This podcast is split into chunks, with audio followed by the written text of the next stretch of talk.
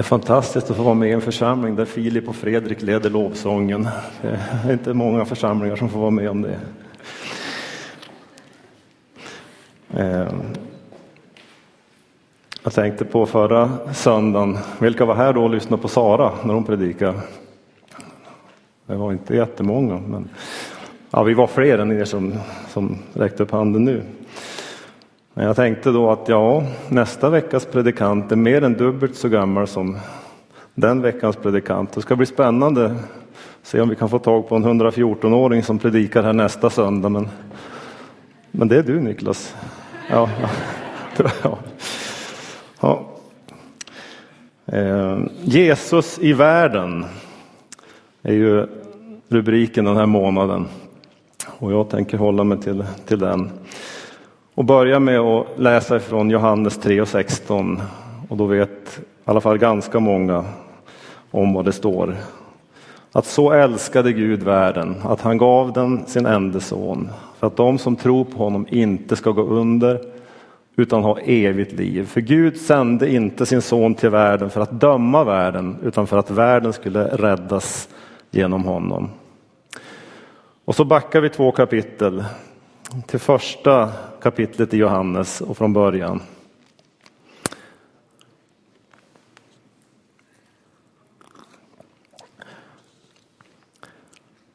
I begynnelsen var ordet och ordet var hos Gud och ordet var Gud. Han var i begynnelsen hos Gud och allt blev till genom honom och utan honom blev ingenting till av det som är till. I honom var liv och livet var människornas ljus. Och ljuset lyser i mörkret och mörkret har inte övervunnit det. Det kom en man sänd av Gud. Hans namn var Johannes.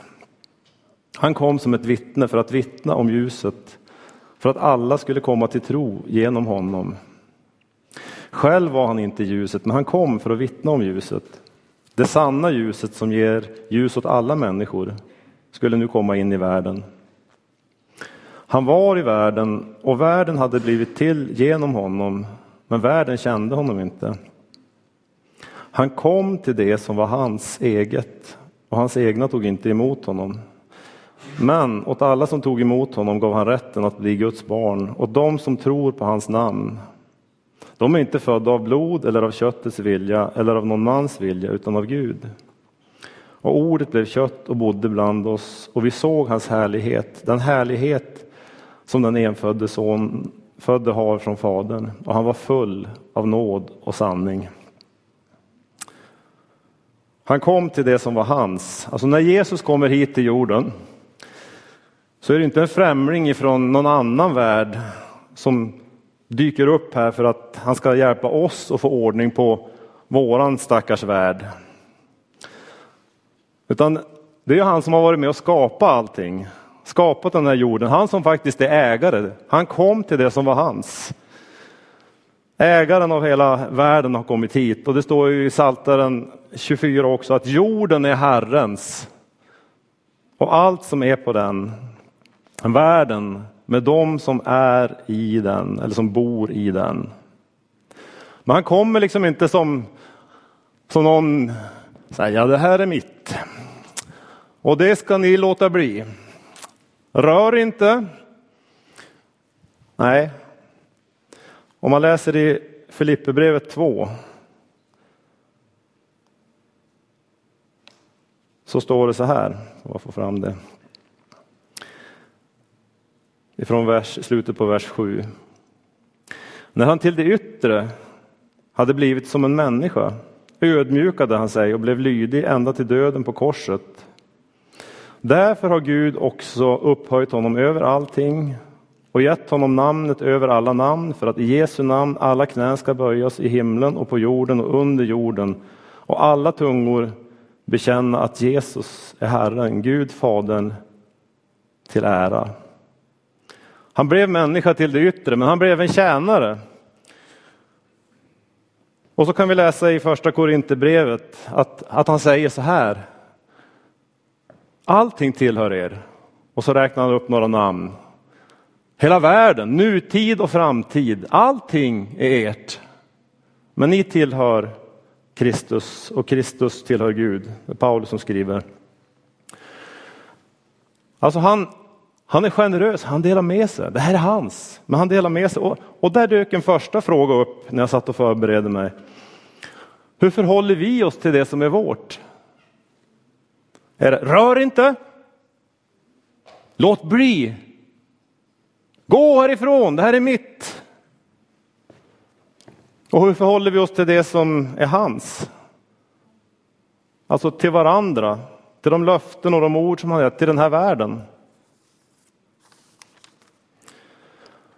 Han kom till det som var hans. Han blev allas tjänare, läste vi. Men när han kommer så till den här världen som tillhör honom, det är inte någon praktikant. Liksom, eh, typ, har ni sett Undercover Boss? Någon, någon som känner, ni kanske inte ser på tv? Ja.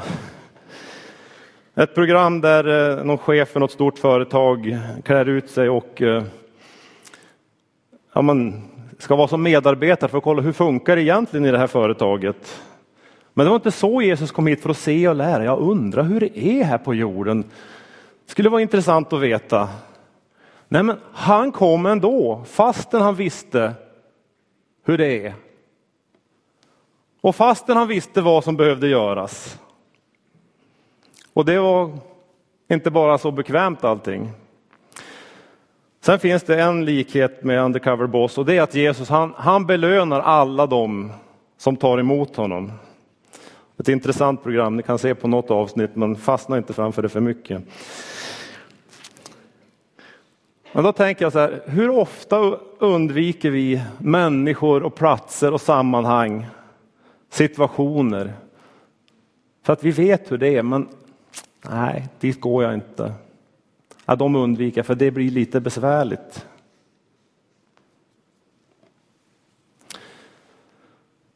Just nu så är jag inne i sista delen på mitt femtionde år här på jorden.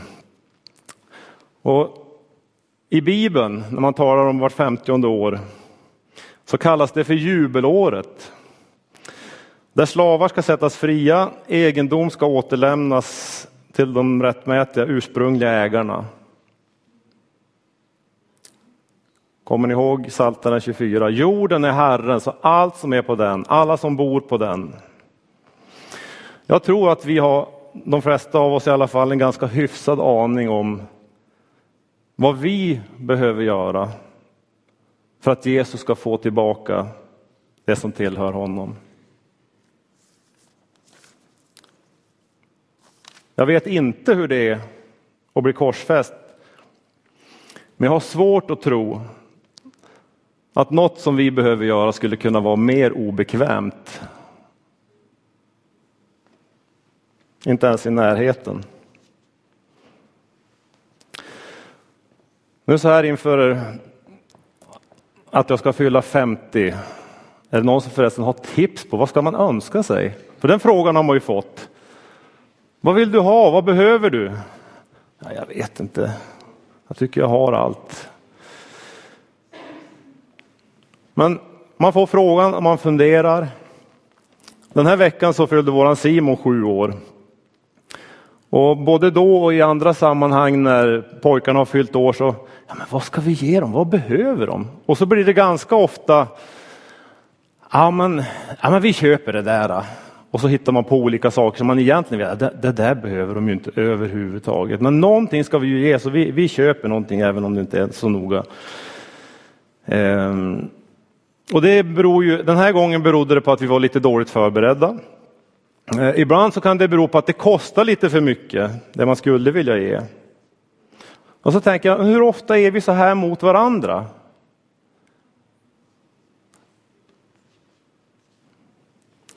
Att vi är lite ogenomtänkta. När vi, vi, vi borde ge något. I eh, Efesierbrevet 4 så står det att Jesus steg ner till jorden han gav människorna gåvor. Och nu ska jag inte påstå att jag är ute och reser så ofta. En del är säkert mycket mer ute på resande fot än jag. Men om man är det eller när man ska någonstans och så vill man ha med sig någonting. Så då kanske vi kommer med choklad eller om det är till barnen så kommer vi med leksaker. Eller någon blomma eller någonting och det är ju inget fel i det. Men ibland så blir det liksom av plikt att ja, man borde ge något bättre men vi tar någonting så här bara. Men vad, vad är det som Jesus ger när han kommer hit? Han som kom hit och gav oss gåvor. Jag vet väl vilka tankar jag har för er, säger Herren, står det i Jeremia. Fridens tankar. Jag vill ge er en framtid, jag vill ge er ett hopp. Han ger hopp. Allt det goda vi får, varje fullkomlig gåva är från ovan. Den kommer ner från ljusens fader. Han kommer och ger oss ljus. Vi läste Johannes 3 och 16 om hur Gud sänder sin kärlek genom Jesus, en gåva till oss. Om du kände till Guds gåva och vem det är som talar till dig så skulle du be honom och han skulle ge dig levande vatten. Han skulle ge dig liv. Han ger oss frälsning. Mm, Paulus skriver i första Timoteusbrevet Jesus Kristus har kommit till jorden för att frälsa syndare och bland dem är jag den störste. Så finns det någon av er som är här idag eller någon som lyssnar via webben eller närradion som säger, men jag har inte tagit emot den gåvan. Så vänta inte med att ta emot den, för Jesus vill frälsa idag. Idag är frälsningens dag. När han kommer med gåvor så kommer han med frid, han kommer med trygghet. Jag skulle kunna läsa upp en massa eh, bibelverser på det också, men eh, ni får lita på att det står så här i, i Bibeln. Han kommer med trygghet, han kommer med mod, han kommer med hälsa, han kommer med gåvor. Hjälparen är en gåva till oss, den heliga ande. Guds rike är inte ord, det är kraft. Det är också en gåva. Gud ger oss kraft. Han kommer och ger oss glädje. Han kommer med befrielse och han kommer med tro. Och precis som vi hörde Roine sa, alltså, vi vill ju dela med oss. Men så kan vi känna, vad ska jag ge till den här världen? Men vi har en ganska bra önskelista som jag tror faktiskt att många människor, ja men det här är sånt som står på, ganska högt upp på människors önskelista. Och det har vi, för Gud har gett oss det här.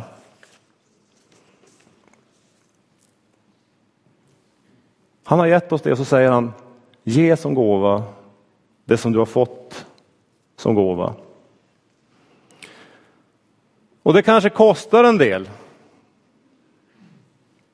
I prestige, i tid, i pengar, i, ja. Det kan kosta på att ge sådana här gåvor, ge dem vidare. Men jag tror att vi behöver ha tänkt igenom det, tagit lite tid och tänkt igenom innan vi bara, ja men vi ger det här istället, vi ger det här till människorna. Sånt som människor kanske egentligen inte är så i stort behov av, men det är lätt att ge. Fastän det är det här som vi är kallade att ge och som människor behöver. Och så bara som en liten parentes, så när Jesus säger eh, dagen innan han ska bli korsfäst att mitt rike är inte av den här världen. Och jag säger att världen tillhör honom som vi läste. Så det betyder ju inte att ja, det, det slutade gälla när Jesus sa det här. Utan när Jesus säger att mitt rike inte är av den här världen så innebär ju det snarare att hans rike är inte begränsad till någon plats eller till något land, något område. Hans rike är så mycket större än världen.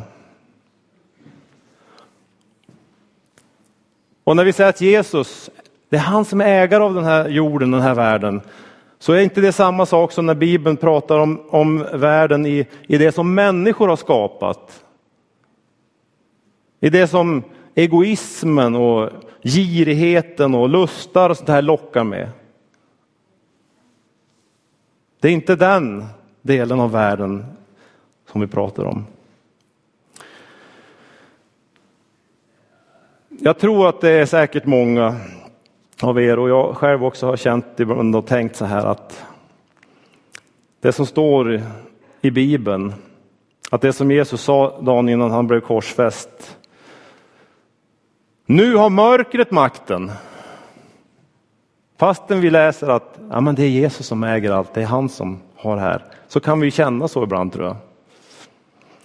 Men om man läser det som han säger innan så står det faktiskt eh, i början på versen. Det här är er stund. Nu har mörkret makten. Alltså det betyder ju att det var för en, en liten stund. Det var liksom inte för all evighet att mörkret skulle ha makten. Och Johannes skriver i sitt första brev att hela världen är i den ondes våld. Men om man sedan läser hela sammanhanget så står det så här. Att den som är född av Gud bevarar honom så att den onde inte kan röra honom. Och så kommer den här versen. Vi vet att vi är av Gud men att den, hela världen är i den ondes våld. Men vi vet att Guds son har kommit och gett oss förstånd så att vi känner den sanne och vi är i den sanne i hans son Jesus Kristus. Han är den sanne guden och det eviga livet.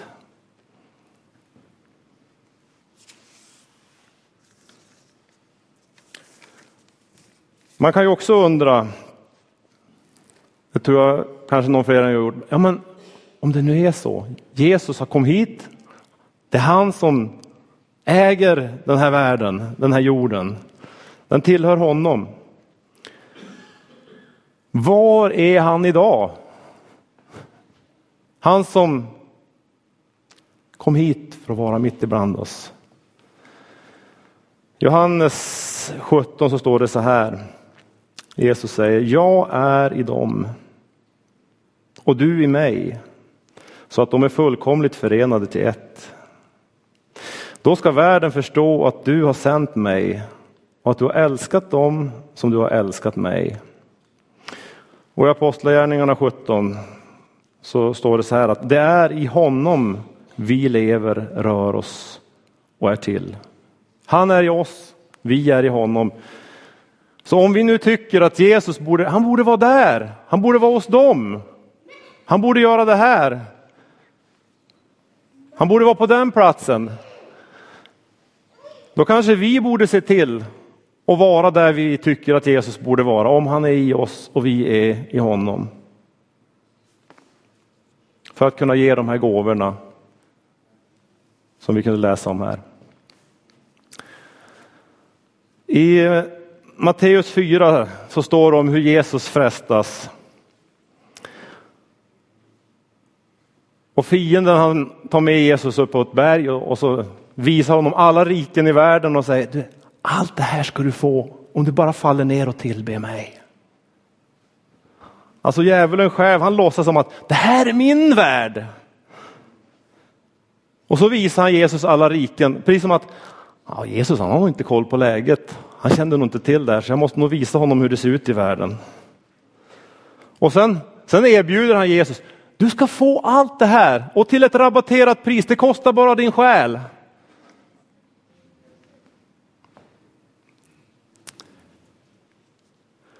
Och jag tänkte, ja, hade jag varit Jesus där så hade jag nog sagt, du, du muckar med fel kille nu.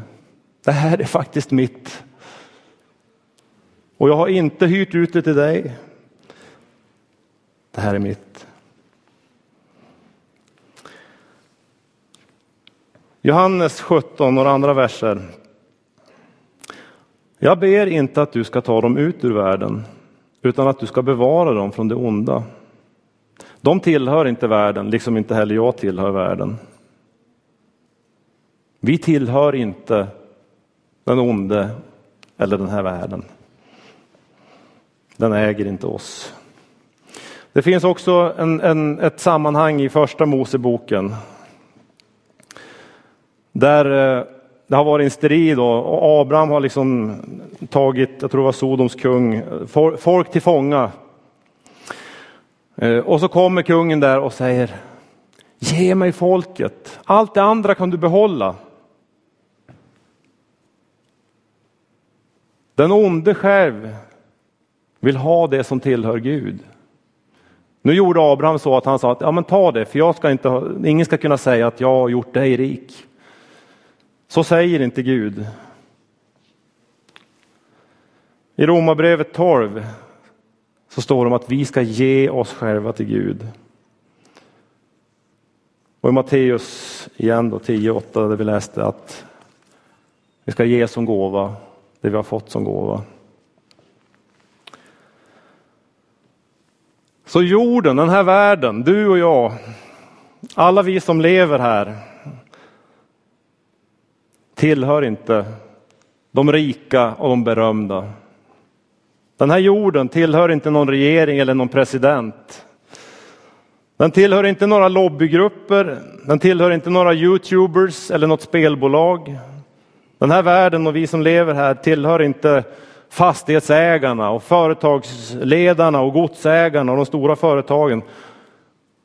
Den här jorden tillhör inte varken Mark Zuckerberg eller Larry Page eller Bill Gates eller någon annan som har stor makt inom media. Den tillhör Jesus. Och som fråga till sist. Jesus han kom hit till sin värld och han lever i den. Lever vi i den värld som är hans, i hans värld eller lever vi i vår egen värld? Amen.